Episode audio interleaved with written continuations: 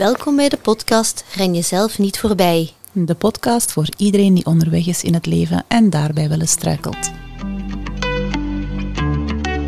Hey Priska. Hallo, dag Jessica, goedemorgen. En, en Sophie. Ja, we hebben een Ja, special guest. we hebben nog eens een keer een gast.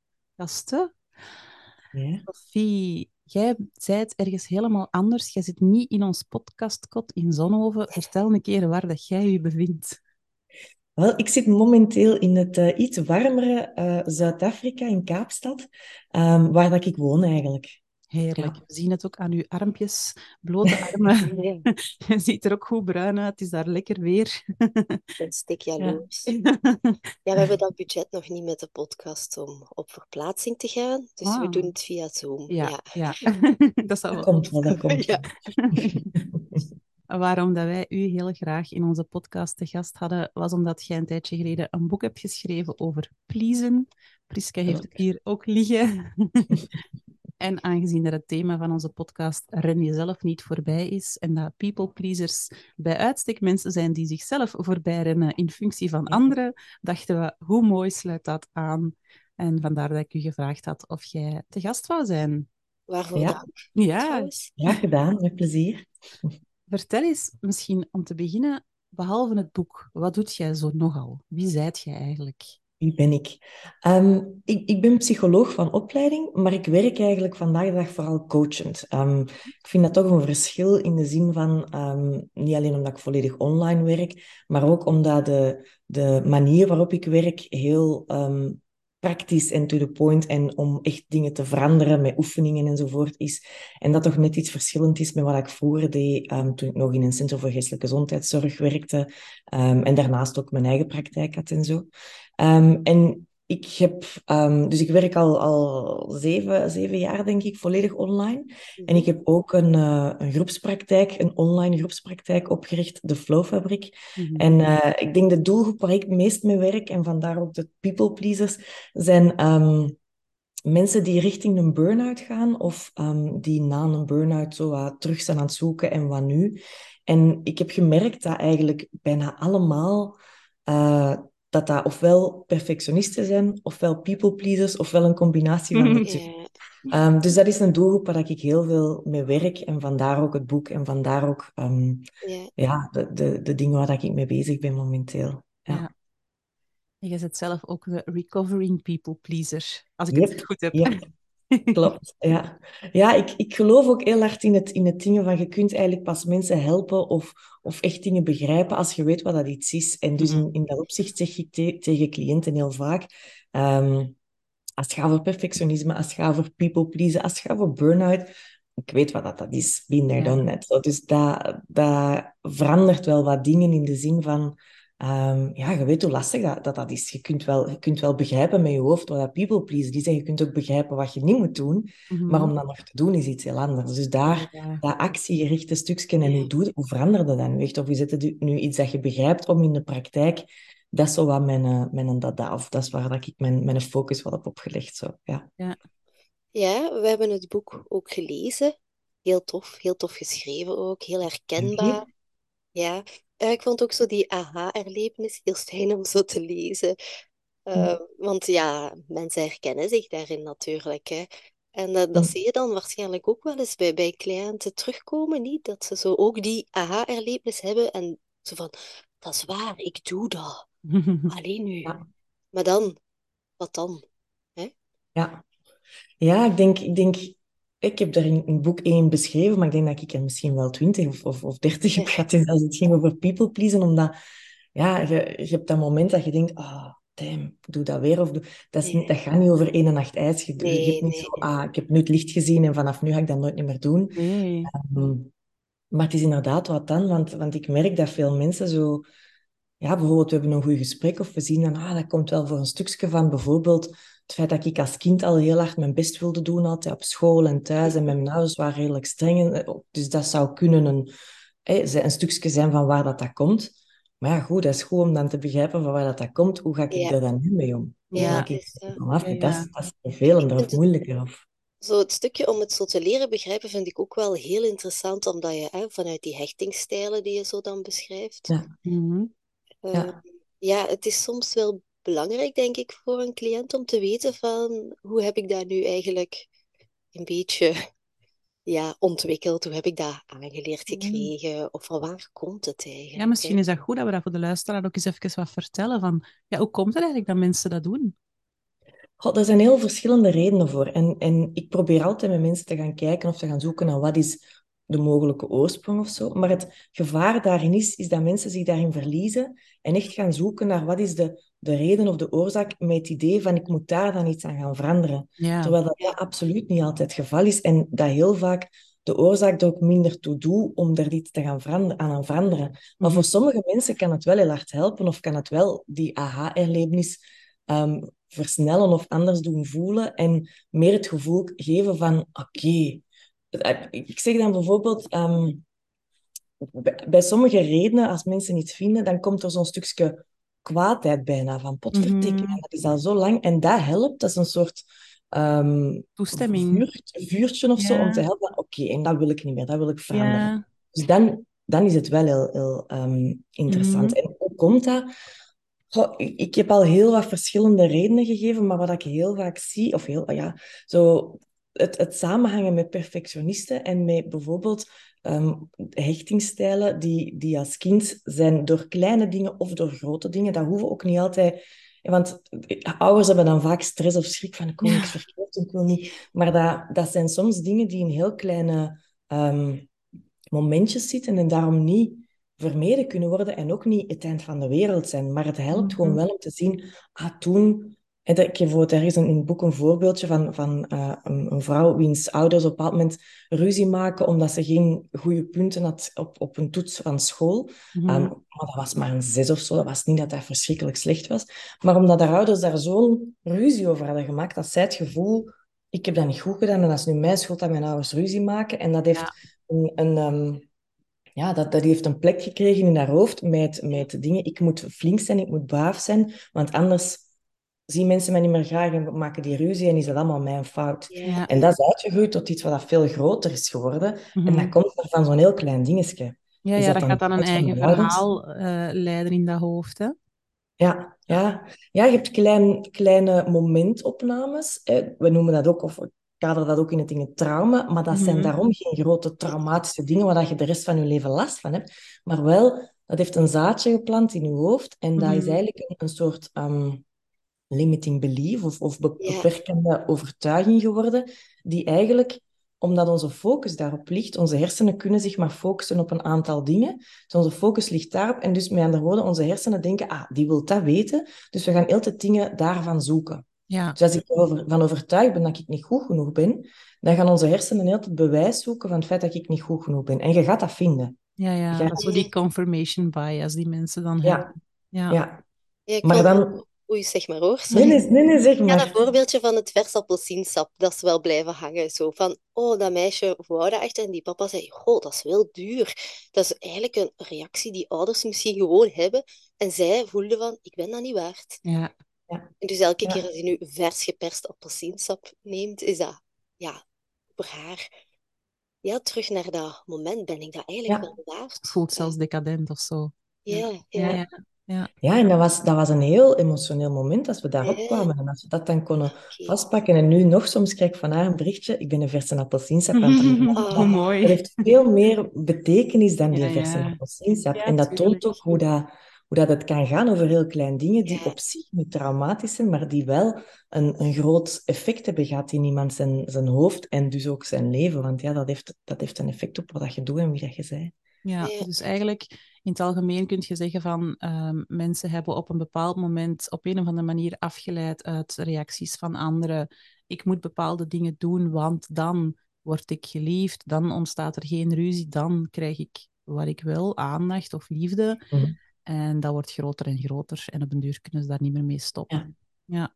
Nu, Ja, ik denk- je zegt van, ik, vind, ik vind het wel goed dat je zegt van, soms is het niet altijd nodig om echt exact te weten wat dat, allee, waar het ontstaan is. Want ja, kunt niks meer veranderen dan daar waar het ontstaan is.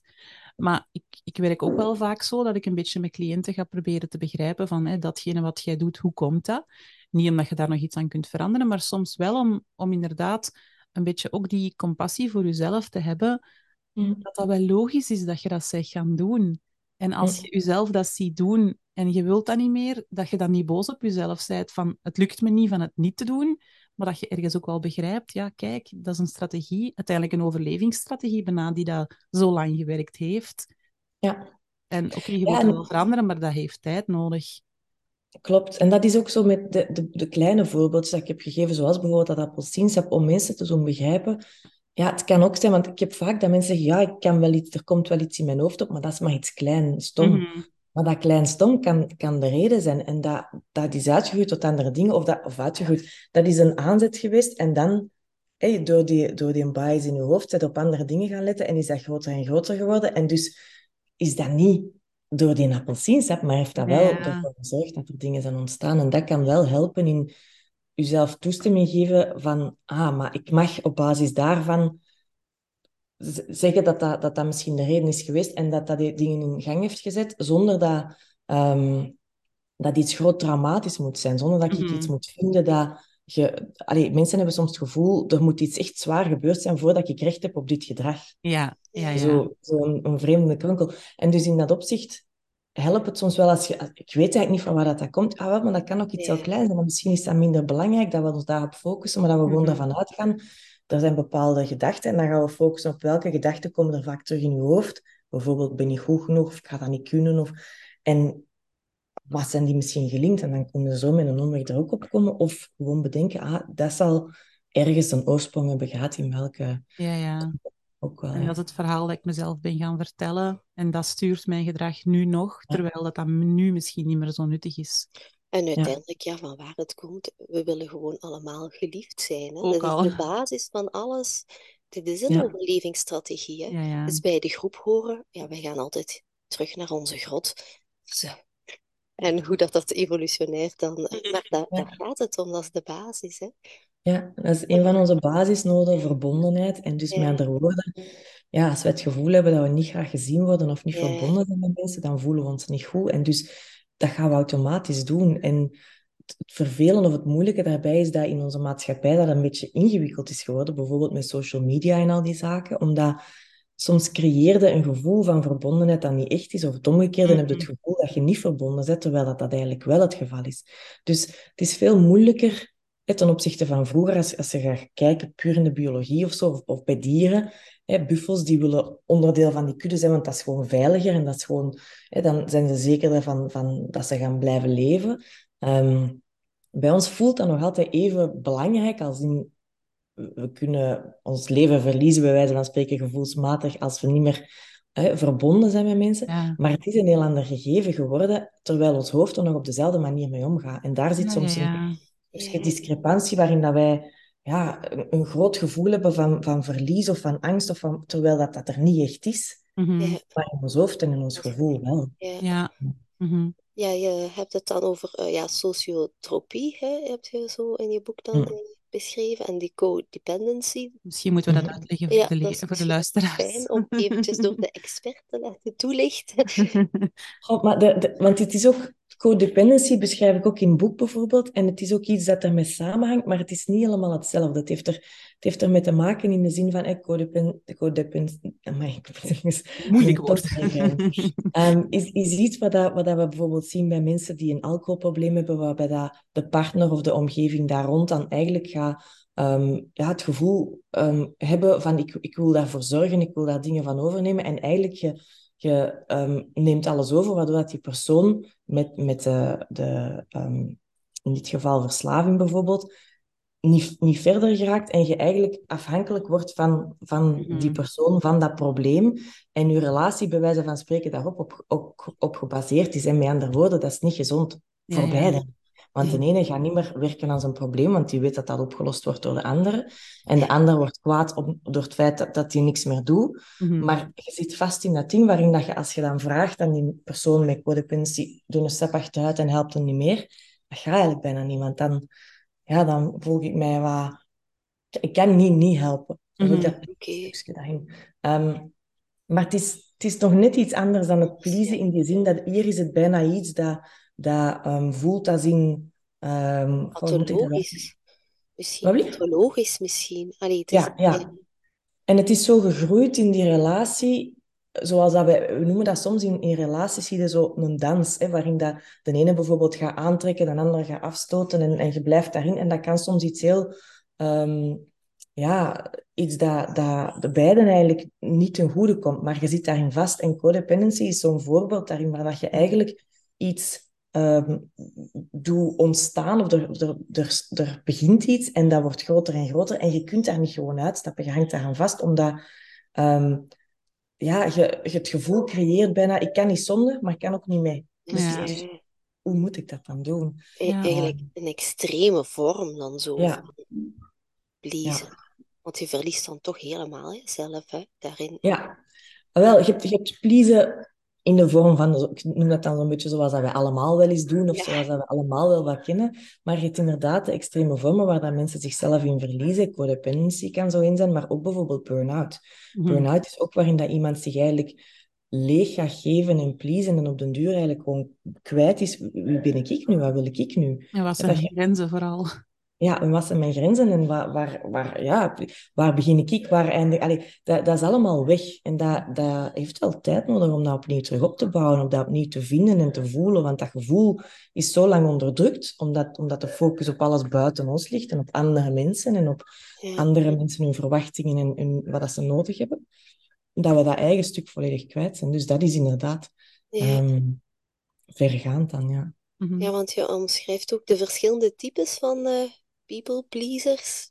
Dan Ja. valt iedereen wel ergens onder een type, zo een klein beetje toch? Hè? Want er zijn ook wel gradaties, zoals je al zei. Tuurlijk, en ik, ik wil absoluut niet zeggen dat de types in, het boek de juiste types zijn en de enige En types zijn. voorbeelden, hè? Voorbeelden, ja. Ja, het zijn het, het, het- wat dat vooral mijn doel was, was om, om duidelijk te maken, het gaat niet alleen over bijvoorbeeld nee zeggen. Het gaat over veel, veel andere dingen ook, dat we ons niet altijd van bewust zijn. Hè, dat, dat je soms ja, je, je grenzen wel laat vervagen of bepaalde dingen doet of, of ehm, je mening niet geeft of jezelf niet laat zien op, op, of sorry zeggen. Sorry zeggen is ook zoiets Ja. heel, heel... Dus je hebt heel wat gedrag dat ook onder dat pleasen valt, maar dat niet altijd direct wordt gelinkt met dat pleasen. En dat was vooral mijn doel, om, om duidelijk te maken van, er is heel wat verschillend gedrag. En dus, kijk eens bij jezelf, wat herken je allemaal? En, en je moet daarom niet, ik ben een dien alleen, of dat doe ik niet. Heel veel mensen herkennen heel veel verschillende dingen vanuit die- de verschillende Ja, types. bijna allemaal, denk ik. Sommige stukjes Ja. eruit.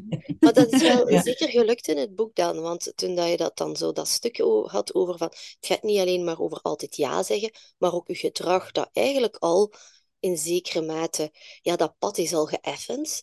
Dus je gaat op voorhand al dingen doen om tegemoet te komen, terwijl de vraag nog niet eens Ja, is ja. gekomen van de ander. En ik dacht, Op basis Ja, van veronderstellingen en ja, zo. Ja. van allerlei dingen. En dan denk ik, ah ja, oké.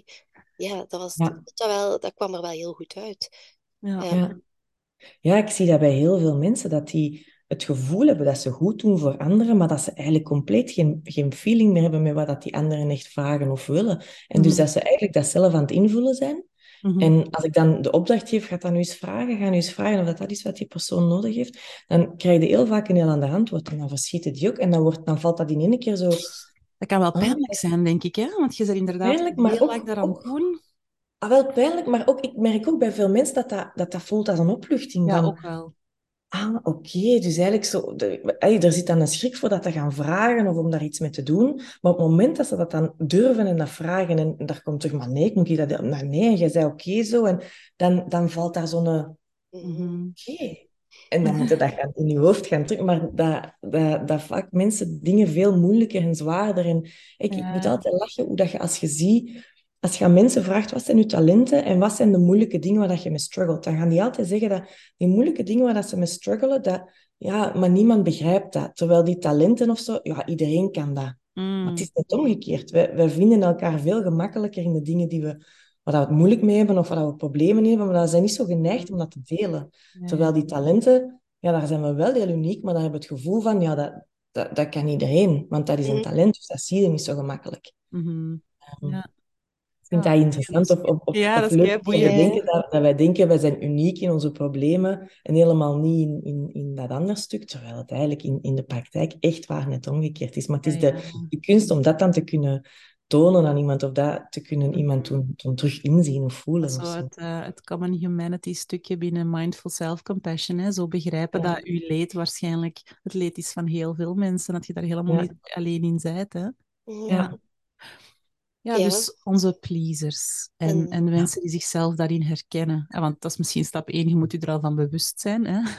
Maar ik, kan mij, ah, ik denk dan, als je het boek opraapt, dan denk ik dat je je er al van bewust bent. ja, wat moeten die dan zoal doen? Wat, wat zouden die kunnen doen om, om daar anders mee te leren omgaan? Goh, er zijn, ik, ik heb het boek eigenlijk een beetje geschreven vanuit het idee, ah, ik ben begonnen eigenlijk met het bedenken, goh, kan ik van alle tips en tricks geven, maar gaat u dat helpen? Ja, die tips Mhm. en tricks gaan misschien op praktische manier iets helpen of iets doen, maar gaat dat long-term blijven hangen? Je Mhm. kunt daar ehm, van bepaalde dingen een, een gewoonte van maken. Bijvoorbeeld, een van die tips is zo het automatisch antwoordapparaat. We hebben altijd de neiging om direct ja te zeggen, maar als je zo bijvoorbeeld automatisch in je hoofd probeert in te bouwen, ik ga dat even checken en kom dan bij je terug. Ja, Dat is heel simpel. Maar denktijd dat als je dat, bouwen.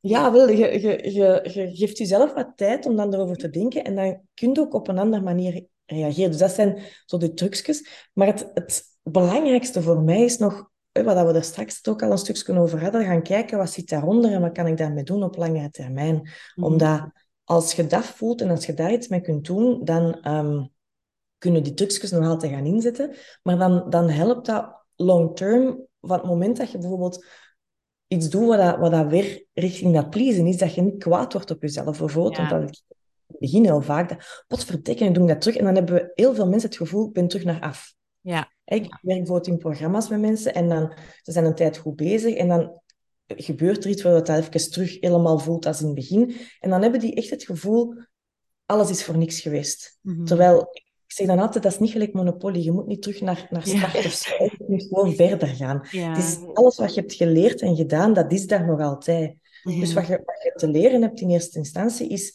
dat dat niet een, een lineaire lijn recht naar boven is, maar dat dat eigenlijk zo wat een, een hobbel is. En als je hervalt, of als je een momentje hebt waar je toch nog ja of nee of pleasen of wat dan ook doet, dat je eigenlijk zegt, oh, goed, ik heb dat opgemerkt. En Ja. dat je dan gaat bedenken, wat kan ik er nu nog mee doen? Mhm. Want heel vaak kunnen we ook achteraf er nog iets mee doen.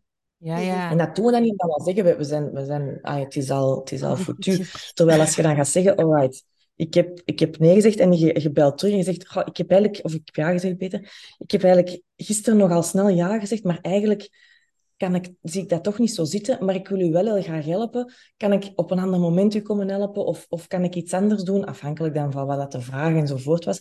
Dat kan ook heel vaak nog wel later en dat is ook oké. Ja.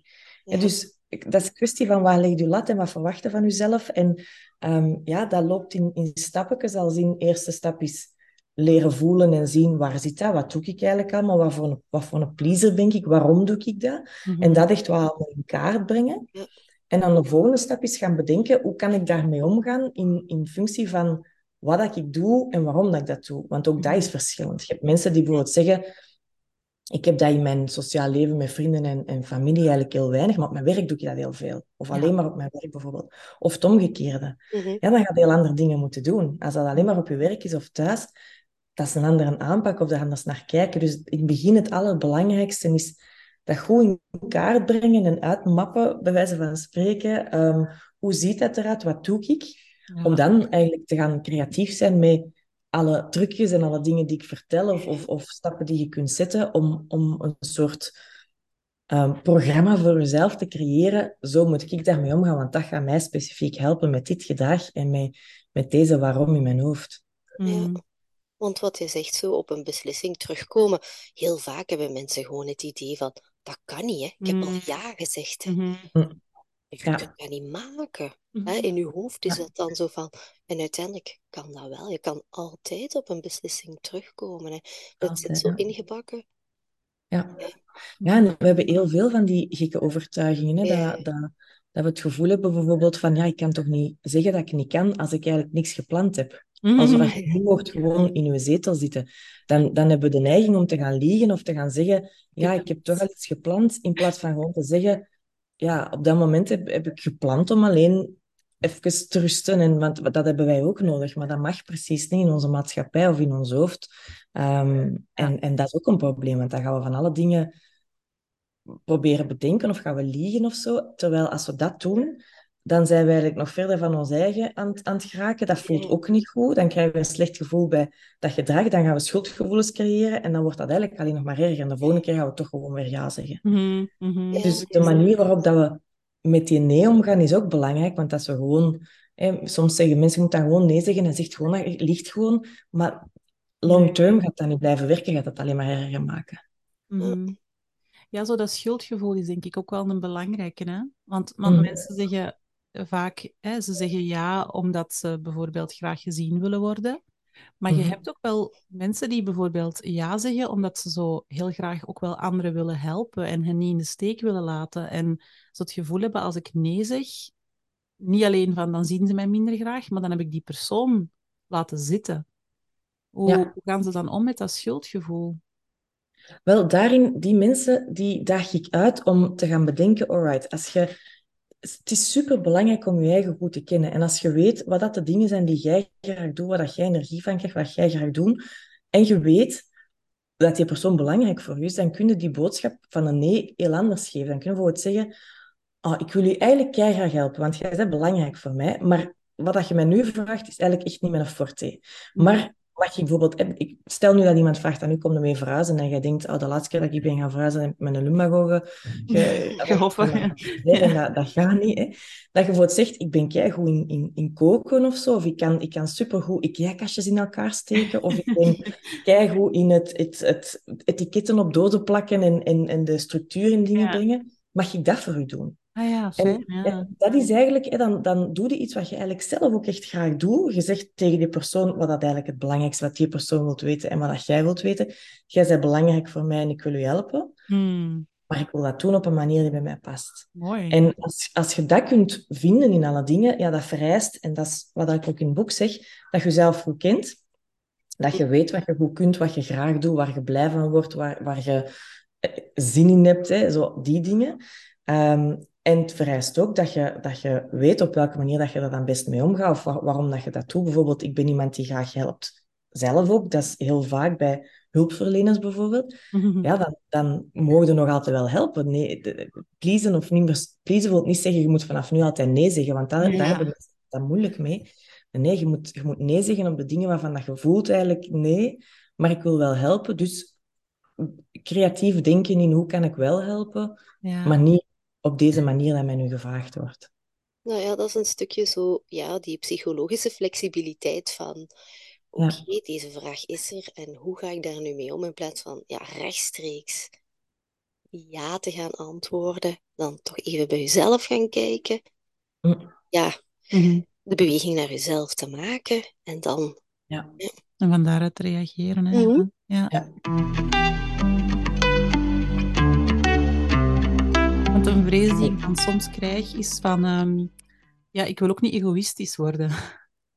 Ja, ehm, ik wil ook niet egoïstisch worden. Dat, mensen hebben vaak die schrik van, van ah, dan als, ik, als ik nu nee ga zeggen, dan denk ik alleen maar aan mezelf. Maar het is eigenlijk het tegenovergestelde. Je bent egoïstisch als je alleen maar bezig bent met dat andere stuk, omdat je uiteindelijk long term gaat zien dat je relaties met mensen gaan, gaan hol worden, gaan verslechteren, gaan, gaan niet echt worden. Ehm, op het moment dat jij nee zegt, terwijl dat jij eigenlijk, of, of ja zegt, terwijl dat jij eigenlijk nee wilt zeggen. Mhm. Ja, dus dat egoïstische kun je op verschillende manieren bekijken. Je, je, je moet aan jezelf denken, omdat je anders raakt er niet verder. Ik, bijvoorbeeld, ik geef vaak het voorbeeld van zo'n moeder die, die zich schuldig voelt dat ze ehm, iets voor zichzelf zou doen als, als haar kinderen haar nodig hebben of wat dan ook. Terwijl dat je Mhm. Zeg, ja, het beste voorbeeld dat jij kunt zijn voor je kinderen is door dat je tijd voor jezelf pakt en zij dat zien en zij eigenlijk leren, ah, dat mag en dat is oké. Ja, ja. En je mag van alles zeggen en doen, en- maar dat heeft geen effect als je niet die persoon zij waar dat je van wilt dat je kind dat ook wordt. En je, je moet dat zijn en je moet dat voor. Dus, dus dat, dat egoïstische zit daar absoluut niet in, maar dat zit wel in mensen in hun hoofd. En het is een kwestie Mhm. van dat, dat te gaan omdraaien en te gaan kijken naar wat is het eigenlijk echt? Of waar zit, wa- waarom zouden denken dat dat egoïstisch is? En als je dan kunt zien, ah, het is egoïstisch als jij gewoon nu met je kind gaat spelen en niet nadenkt over dat kind zijn toekomst, door bijvoorbeeld tijd voor jezelf te maken en zo aan je kind te tonen, dat is heel goed dat jij als, als moeder, als vrouw, als weet je veel tijd voor je eigen maakt, want dat is belangrijk voor wie je bent. Mhm. Ja, ja, Dat ja. is, dat is veel belangrijker voor, voor dat kind dan dat moment, op, op, allee, dat moment waar dat niet aan het wenen is, dan even Ja, ja. het spelen of weet ik veel. Ik ben maar iets aan het bedenken. Ja, maar dat, dat hoort je ook wel vaak, hè. Ik ben, ik ben een pleaser. Ja, mijn moeder die cijferde zich ook altijd weg. Dus ja, vaak hebben mensen dat ook wel een beetje geïnternaliseerd, omdat ze hun moeder dat altijd zagen doen en dat ze denken dat het zo hoort. Ja, Dan is het goed om Maar dat dan- gewoon te leren doorbreken, inderdaad. Is dat, want dan is het gemakkelijk ook te counteren. En dan, als je dan gaat vragen van, vinden dat uw moeder dat moest doen? En wat had uw moeder beter gedaan? En wat had u geholpen toen? En heeft u dat geholpen? En, en hoe kijkt dat naar... Mhm. Als je zo'n vraag gaat stellen, dan komt het uiteindelijk heel gemakkelijk op... Ja, nee, eigenlijk heeft dat mijn moeder en mij niet geholpen. Mhm. Dus Ja. waarom zou jij dat dan nu gaan doen? Als het uw Mhm. moeder niet heeft geholpen en het heeft u niet geholpen. Ja. Ja, dat is zo Dan- die intergenerationele erfenis. Hè. Ja, soms ook het tegenovergestelde, hè? daar waar dat, er iets gebeurt en dan iemand zoiets heeft, dat ga ik zeker niet doen, maar dan het tegenovergestelde, Ja. wat wat bijna even of erg Ja, of ja. niet. Mama En- was er nooit. Dat wil ik mijn kinderen niet aandoen. Dus ik ben er ik altijd. er aan. Ja, voilà. ja, ja, dus in dat opzicht is het altijd een kwestie van een balans en van gaan zoeken van wat, wat wilde dat zeggen bij mijn moeder en wat was daar goed of minder goed in. En niet proberen, ik wil absoluut niet zoals mijn moeder of ik wil absoluut wel zoals mijn moeder, maar wat werkte wel, wat, wat heeft mij geholpen, wat heeft mijn moeder geholpen en wat niet. En, en op die manier kijken. Ja. Want we horen wel vaak moeder en mama en eh, vrouwen. Ja, ik maak er toch ook een beetje uit op als ik in de omgeving kijk dat de meeste people pleasers toch wel vrouwen zijn. Ik, ik zie hetzelfde bij mannen. Het, het gebeurt, hè, maar... Het, het, er zijn ook heel wat mannen people pleasers, maar ik denk het verschil daarin is dat... ehm, er zijn verschillende redenen voor, want ik, er, zijn, er bestaan niet echt cijfers over, dat is moeilijk te vinden. Mhm. Maar een van de redenen is volgens mij ook dat vrouwen gemakkelijker in therapie gaan of, of daar iets mee doen. En, ehm, dat, dat wordt dus ook gemakkelijker gehoord of gezien. Mhm. En een andere reden is, wij, wij zitten ook in een maatschappij waarin dat het nog steeds, ehm, of, of dat we dat nu goed vinden of niet, dat doet er niet toe, maar dat bij een vrouw en bij een moeder nog veel meer de zorgende rol past. En met andere woorden, dat zorgen hangt heel dicht samen met dat pleasen, daar waar dat mannen ehm, meer in, in het... ehm, die, die hebben een andere rol ook naar hun kinderen toe, dus die moeten meer de grenzen gaan, gaan ehm, niet bewaken, maar, maar net zorgen dat hun kind dingen kan proberen en zo. Dus nee zeggen is gemakkelijker of, of, of past Ja. meer bij de rol van man. Dus in dat opzicht is dat, zijn er verschillende redenen in onze maatschappij en in ehm, hoe dat wij leven, die verklaren waarom dat, dat lijkt dat dat minder bij mannen is. Maar ik heb ook mannen die, waar dat ik mee werk, die, die absoluut people pleasers zijn, die, die zelfs heel erg people pleasers zijn. Ehm, dus het, Ja, het is bij beide voor. Ja. Maar ik denk dat het, het gewoon meer... Ik denk meer vrouwen, door de bocht algemeen, maar, maar dat het meer zichtbaar is ook, of meer... Ja. Ik heb ook wel eens ooit gelezen dat zo het verschil man-vrouw um, ook een beetje soms biologisch zit in, hè, als je dan weer terug naar onze grot toekeert. eh, vrouwen werden geacht om de, de jongen, de kinderen te beschermen. En een man moest kunnen op elk moment vertrekken om achter een beest aan te gaan. Dus die mocht zich niet ehm, verplicht voelen van te blijven. Dus dat zit daar Ja. blijkbaar ook een beetje op die manier soms nog altijd wel een beetje in. ja. Ja, ik denk dat je dat zo beschrijft als zo dat tent and befriend. Zo, hè, evolutionair, Ja. dat vrouwen dan eh, meer de neiging hadden om ja, eh, iets te, te, te houden, eh, ja, te, te bevrienden eigenlijk. En, en van daaruit meer te gaan. Ja. Te gaan Ja, ik denk als je inderdaad evolutionair gaat kijken, kinderen zijn afhankelijk van beide hun ouders voor hun overleving. En dat wil zeggen van, van hun moeder voor de echt zorg en, en nabijheid enzovoort. En vader vaak voor, voor te zorgen dat er, dat er inderdaad vroeger in de grot aan eten Ja. en, en weet ik veel wat. Of, en ook voor, voor eh, safety en, Ja. en voor van die dingen. En dat is vandaag de dag helemaal niet meer zo. Maar voor een stukje zit dat er nog wel Ja, wat in, denk ik. En, en de man wordt nog altijd meer gezien als degene die gaat werken en de kostwinnaar, terwijl dat vandaag de dag niet meer altijd zo is, maar dat wordt nog wel vaak zo. Benoemd of zo. En een vrouw is gemakkelijker thuis of in zwangerschapsverlof. Een man in zwangerschapsverlof wordt er veel minder... Allee, zwangerschap... eh, ja, ja. Verlof voor kinderen dan, of voor eh, Ouderschap. ouderschapsverlof. Ehm, daar worden nog altijd een pak minder. Ja, ja. Terwijl allee, ik denk dat dat in sommige landen, ja, ik heb zo het gevoel dat in Zweden bijvoorbeeld en in Ja, Scandinavische landen. landen dat al, dat al wat beter is, Mhm. eh, wat, wat, wat vaker gebeurt, maar nog steeds ja, is daar een beetje een ongelijkheid in, of dat we nu Ja, daarmee eens zijn dat of niet. Het is er nog altijd wel, denk ik. En dus dat, dat geeft inderdaad volgens mij ook wel een, Mhm. of, of speelt ook mee in het eh, verschil daartussen. Maar Ja, ik ken evengoed, of ik zie evengoed mannen Mhm. die ook leaders zijn en die eigenlijk hetzelfde gedrag stellen, maar gewoon op een andere manier. En soms gaan die ook subtieler pleasen, bijvoorbeeld. Ik- Er staat ook ergens een voorbeeld van een boek. ehm, bijvoorbeeld ehm, mopjes maken ten koste van zichzelf of zo, wat dat eigenlijk Ah, ook een stukje dat, dat, dat, dat zit er ook een stukje in, wat, dat, wat dat je vaker bij mannen gaat zien en wat veel subtieler is en wat niet voelt als people please gedrag. Maar eigenlijk is dat ook om te zorgen, ja, ik wil dat die ander zich goed voelt, ik wil dat die lachen, ik wil zo wat... Hè, maar Ja, ja, ja. ten koste van mijzelf Ja. het is eigenlijk hetzelfde functie, zou ik zeggen, dan, dan nee zeggen of ja zeggen. Ja. alleen ja in dit geval, ja. Ja. Ja, en je hebt het dan over functie. Ik denk dan ook aan, hè, je zei er straks al, eh, er is zo een- wel een link tussen people pleasen en perfectionisme. Mhm. Ik heb ook best veel mensen die heel veel doen en, en bijvoorbeeld heel rap taken naar zich toe trekken, zowel thuis als, als op het werk, want dan is goed gedaan. En als, als ik anderen het zie doen, dan duurt het te lang of ik moet het toch nog allemaal eerst uitleggen, dan kan ik het even goed beter zelf doen. Maar dan blijven ze natuurlijk wel daarin vast. Ja, hoe de hel raak je daaruit? Ja, ah, wel, ik, ik, ik, ga dan altijd met mensen zoeken naar kosten-baten dingen. Zo, Ja. hè, van, wat, is, wat is uw doel van dat? Waarom moet dat perfect zijn? Stel nu dat dat niet perfect is. Wat is het worst case scenario? Wat is het allerergste dat er kan gebeuren? Mhm. En dan heel vaak komen we erop uit dat dat allerergste wat zou kunnen gebeuren eigenlijk niet zo erg is, of er soms misschien al is zelfs. Ja. Ehm, en, en dat is dan wel ook een manier om, om ah ja, oké, als dat het allerergste is, en dat valt eigenlijk wel mee, misschien moet ik dat dan maar oké vinden. Of moet... En dan, ik, ik laat dan mensen echt opdrachten doen, of ik doe dan dingen mee, om te proberen niet perfect te zijn. Ja, ja. Ik, ik weet dat je zo bijvoorbeeld de boekjes van Carrie Smith kent. Nee? Ehm, ik heb die hier liggen. Er is Wreck This Journal is er zo Ah, van. ja, ja, ja. eigenlijk dat je zo- Ja, en de bedoeling is eigenlijk dat je dat boekje, je moet daar een blad uitscheuren, je moet ergens in het midden beginnen, je moet dat vuil dat- maken. ja. dat- En dat is voor perfectionisten heel moeilijk. Maar daarmee wel een goede oefening. Ik heb ik weet niet hoeveel boekjes waar ik ooit ben in begonnen en dan, ja, ik vond dat dan niet schoon geschreven, dus ik, dat, Ja. dat blijft dan ergens liggen en ik heb een nieuw boekje. Nee, oké, dan is de, de opdracht nu, begin in dat boekje waar dat er al iets in stond. Oh, dat is lastig, Ja. want dat in mijn hoofd... Ja, knetter, knetter.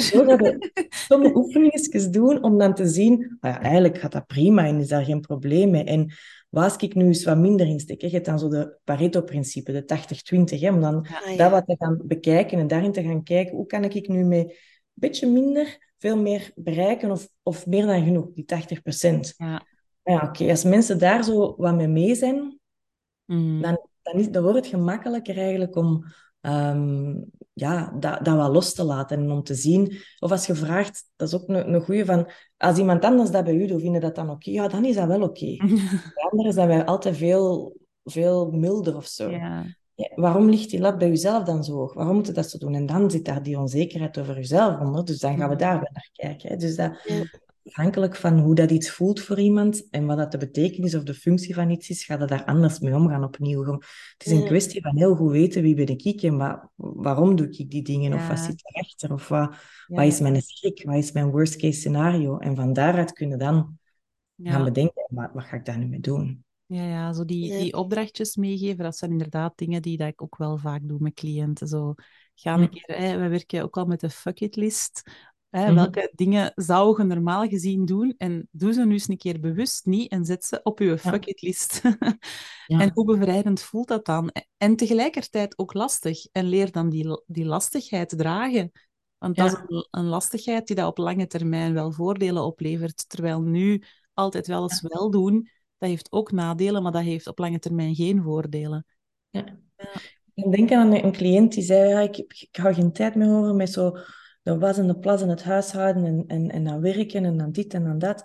En we waren zo gekomen tot de- te gaan kijken welke dingen in het huishouden zijn echt nodig. Mhm. En dan kwam eruit dat er eigenlijk heel veel dingen kwamen in haar hoofd vanuit haar moeder, die dat, dat heel belangrijk vindt, dat haar huishouden goed geregeld is en dat daar vroeger heel veel tijd in stak, maar dat dus eigenlijk daardoor ook heel wat dingen heeft niet gedaan. Mhm. En dus zij zei, ja, ik heb sinds nu een paar weken dat ik wel een was doe, maar ik laat dat dan eigenlijk in de wasmand zitten en ik zoek dan mijn kleren uit de wasmand in plaats van die in de kast te steken.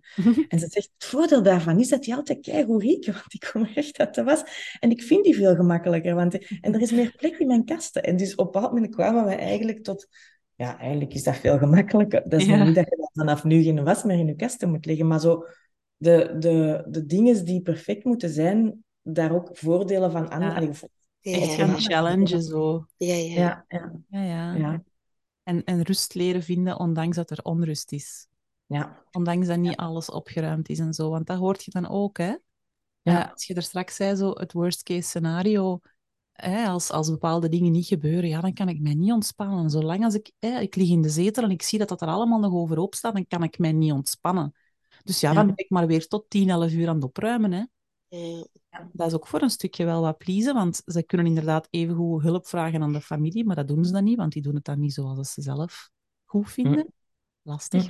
Ja. Dat is ook een limiting belief, hè, want als we onszelf vertellen ik kan niet ontspannen zolang dat dat niet is, dan is dat ook zo. Ja. Maar dat is eigenlijk niet zo. We kunnen wel ontspannen zolang dat er niet is, maar je moet alleen op een andere manier daar opnieuw naar kijken of mee omgaan. En dus je gaat dan die limiting belief uit je hoofd halen en je gaat bedenken, wacht, oké, ga eens zoeken naar een moment waar je eigenlijk wel ontspannen was, dat er toch nog niet alles gedaan was. En dan, ah ja, toen op reis was ik eigenlijk wel heel ontspannen en dan was er van alles niet in orde. Mm En hoe kwam dat dan? En dus je gaat zoeken naar dingen die... soms zeggen mensen bijvoorbeeld, ah ja, als je zo'n limiting belief hebt, bijvoorbeeld ik ben niet goed genoeg. Je moet dat dan gewoon omdraaien en tien keer in de spiegel zetten. Ja. Alla, ik ken die men zo.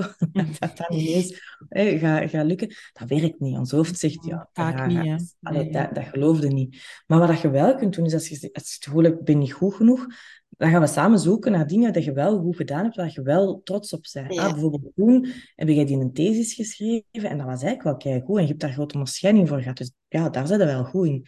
En dat kan je hoofd wel geloven. Mm. En dan ga je andere dingen zoeken en meer dingen. Op den duur kom je tot heel concrete dingen waarin dat jij dat kunt in post-its op je muur plakken, weet ik veel, waar dat je ziet, hmm, eigenlijk kon ik wel heel veel dingen. Mm-hmm. En zo is er een oefening dat ik met cliënten een soort tijdslijn maken. En dat elke keer terug krijg ik dan, amai, ik was verschoten van, ja, daar zitten wel heel wat negatieve dingen in, maar eigenlijk ook heel veel positieve dingen. En heel veel dingen dat ik goed gedaan heb, waar ik eigenlijk niet echt bij stilsta. Mm-hmm. Omdat focus ligt op al die negatieve stukjes die gebeurd zijn. En ja, dat, dat zit in ons hoofd. Ja, die positieve vergeten we gemakkelijk. Ja, die filteren we er dan weer uit. Ja. Ja, mm als dat negatief brein dat weer uh, zijn werk doet. Hè. Ja. ja. ja.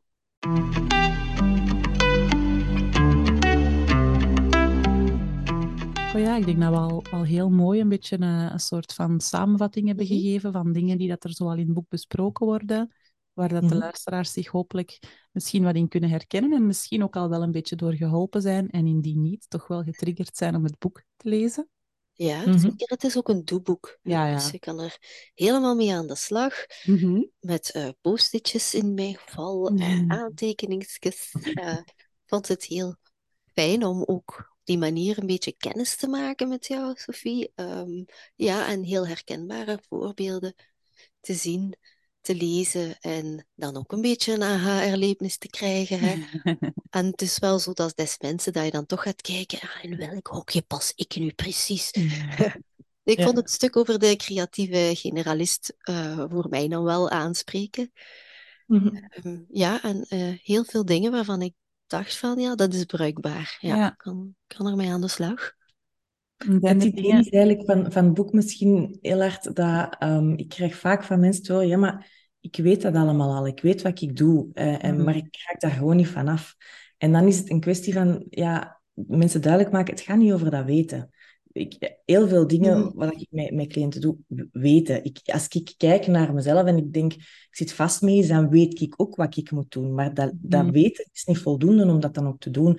En ik denk, daarom heb ik er ook voor gekozen om een doelboek te doen. En is het idee ook echt die dingen gaan opschrijven, echt die dingen gaan, die oefeningen gaan doen. Um, omdat door opschrijven en doen en daarover in gesprek gaan en, en opdrachten doen enzovoort, dat is uiteindelijk wat verandering brengt. Mm-hmm. Niet dat hier in je hoofd snappen. Dat mhm. snappen doen we eigenlijk allemaal. Wij weten waarom dat we pleasen. Zeker als je het boek hebt gelezen.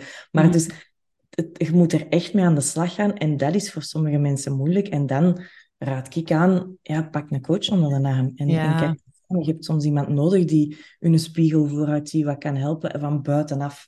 En, en Ja. kan tonen van, ja, maar wacht, wa- waarom doe je dat nu? Of waarom zeg je dat nu? Ik ook. En, Ja. en dan gaan de dingen gewoon vaak gemakkelijker. Je kunt alles alleen doen, hè, maar je moet dat niet. Nee.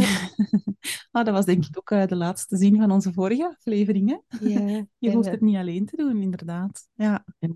ja mooi. Goh ja, want mijn, mijn vraag die ik net wou stellen was, zijn er nog dingen die dat je wilt meegeven aan de luisteraar? Maar ik denk dat dat misschien eh, hetgene was wat je zelf al net Ja. gedaan hebt. Hè? Ja, voilà. Je hoeft het Ja. inderdaad niet alleen te doen. Als je merkt dat je, ondanks het boek, toch ja, blijft vastlopen in bepaalde dingen en dat je bijvoorbeeld die doe-opdrachten dan niet doet, dan kan het Ja. helpen om een coach onder de arm te nemen. Ja. Hoewel Sophie in Zuid-Afrika Ja. zit, kan ze u daar eventueel gewoon online mee verder Ik helpen. ben, ik ben momenteel aan het werken aan echt een, een programma voor people pleasers, omdat ik zo vaak die vraag kreeg nu na het schrijven van dat boek. Ik dacht, oké, kom, ik ga daar een programma voor maken. Dus dat is Top.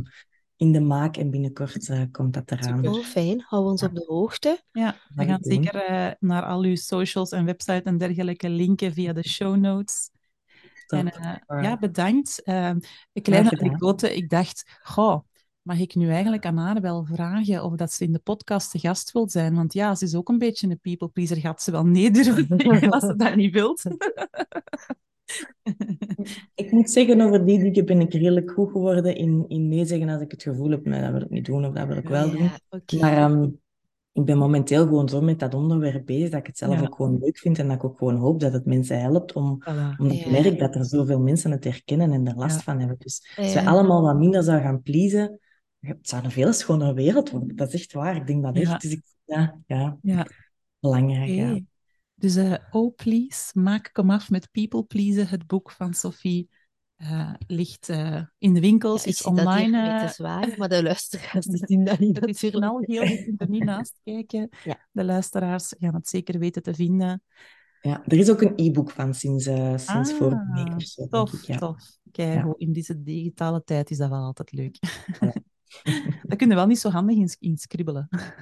Nee, dat is van daarmee dat het zo lang heeft geduurd dat het er kwam, want het was in allemaal formats en als je dan al een ene e-reader, dan verandert dat enzovoort. Ja. Maar Ah ja, oké. Ja. niet zoals die. Je Maar er altijd een boekje bij pakken en het op je Ja, voilà. ja, een van die boekjes waar je ooit in begonnen bent en waar Voilà. één pagina van gebruikt is. Direct een oefening. Scheurt die eruit Ja. en begint daar Ja. dan.